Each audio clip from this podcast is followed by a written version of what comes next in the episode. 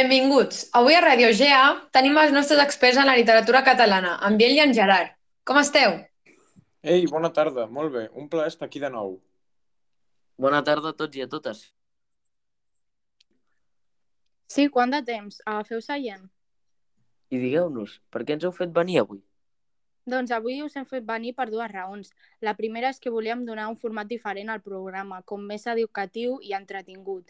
I l'altra és que vosaltres dos sou experts en la literatura catalana, per tant, no ens ha acut ningú millor que hi sàpiga més sobre el tema. Si us sembla bé, us farem un seguit de preguntes i vosaltres haureu d'anar responent el que sapigueu. Però exactament de què ens preguntareu? Ostres, ja se m'oblidava. Avui preguntarem com van ser el segle XVIII i XIX per la literatura catalana i alguns dels autors més importants. Si no us fa res, comencem ja. Som-hi!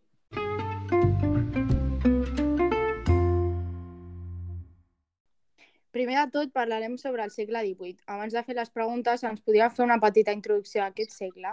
Penseu que parlareu amb persones que no en saben res. Exacte. Endavant. Doncs bé, el més la literatura del segle XVIII és el neoclassicisme. Estava inspirat en l'art clàssic, és a dir, l'art greco-romà, que pot considerar-se tant una reacció contra les complexitats estilístiques de la literatura barroca com a reflex de racionalisme i l'empirisme de l'època. L'estil neoclàssic es caracteritza per un esforç didàctic i un estil precís i clar. Pel que fa a la literatura, la seva aparició va ser relativament lenta en comparació al reste del territori, prop del 1770, però l'emergència d'una burgesia activa al voltant de la revolució agrària i la dinamització comercial subsegüent a l'obertura dels, dels mercats colonials fa que, cap al final del segle, el moviment sigui bastant viu. També ens trobem amb la repressió borbònica sobre Catalunya després de la desfeta de 1714, que no només es va limitar amb el camp social i polític, sinó que va fer-se extensiva a la cultura i a la llengua. D'aquesta manera, després de la derrota catalana es va dur a terme una restricció d'antigues tradicions i costums i, sobretot, va realitzar-se una repressió cultural i lingüística, amb un programa al qual tenia com a propòsit la introducció del castellà a les escoles, per tant, restringir el català. D'això sí que en sé una mica. Uns anys després, concretament a l'any 1768, crec recordar, es va prohibir l'edició dels llibres en català, tot i que va publicar-se alguns sota llicència eclesial. De fet, l'altre dia al diari em va sortir una notícia d'un autor del segle XVIII, un tal Joan Ramis i Ramis. L'article deia que es va trobar els esborranys d'unes de les seves obres. Jo també vaig sentir a parlar sobre l'article. Va estar molt interessant. Parleu de Lucrècia? Exacte. Ara que ens heu parlat sobre el segle XVIII, ens XIX.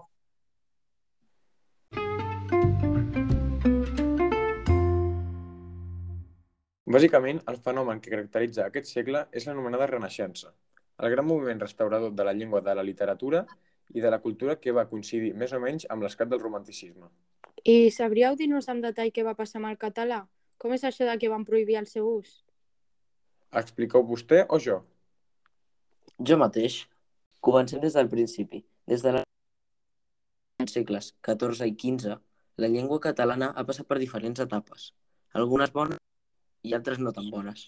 Cap a finals del segle XIV, la corona d'Aragó va aconseguir la seva màxima expansió política i geogràfica, tant València i Múrcia, per la part del sud, com Mallorca, Sicília, Sardenya i Nàpols, si no recordo malament, per la part de l'Orient Mediterrani. La presència de colons catalanoparlants en aquests territoris va expandir el català per arreu d'Espanya i França.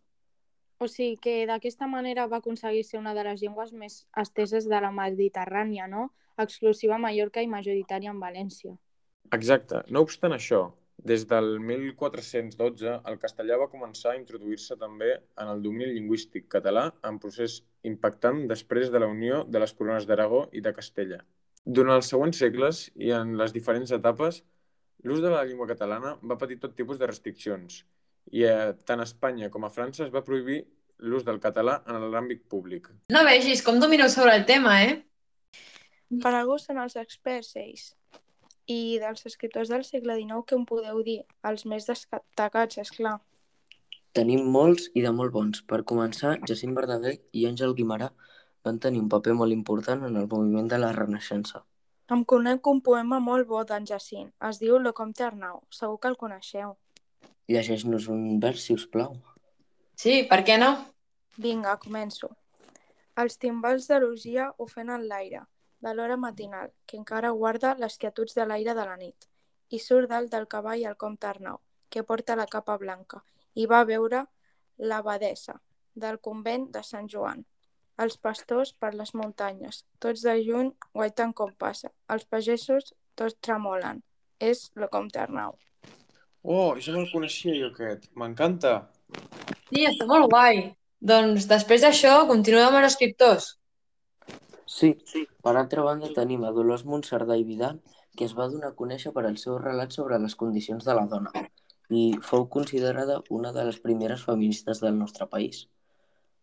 Una altra dona és Maria de Belllloc, que, gràcies a la seva publicació el 1878 de la novel·la històrica Vigatans i botiflers, fa que sigui considerada com la primera dona novel·lista de la literatura catalana. També tenim en Narcís Oller, que és considerat el patriarca de l'actual novel·lística de la literatura catalana, ja que va portar l'elaboració l'elaboració d'un llenguatge adaptat a la narració. És veritat, eh, que n'hem tingut molt de bons. Ja en podem estar orgullosos, ja. I sobre els Jocs Florals, què em dieu? Els Jocs Florals, bé, és un certamen literari instituït per primer cop al segle XIV a la Cort Convencional Tolosa del Llenguadoc per premiar el gènere poètic en occità. Jacint Verdaguer, considerat el fundador de la literatura catalana moderna, va guanyar el seu primer premi als Jocs Florals amb tan sols 20 anys. Allà va conèixer figures rellevants de la cultura com Maria Aguiló i Manuel Milà. Carai, jo he llegit que després de la seva mort s'han anat publicant obres inèdites i entre els milers de manuscrits que ens va deixar encara hi ha poesies i proses diverses mm, que estan més o menys acabades. Doncs sabeu què? Dolors Monserdà i Vidal es va convertir en la primera dona en presidir uns Jocs Florals. Uau, sembla que això de la litera literatura al final us acabarà agradant. I tant! Per, per no saber molt sobre el tema, déu nhi eh? Home, ens hem informat una mica abans de que vinguéssiu. I bueno, malgrat ha estat curt, eh, ha sigut un plaer enorme tenir-vos aquí amb nosaltres. El plaer és tot nostre. Esperem comptar amb vosaltres dos per un futur. Per descomptat. I fins aquí el programa d'avui. Fins aviat. Ja.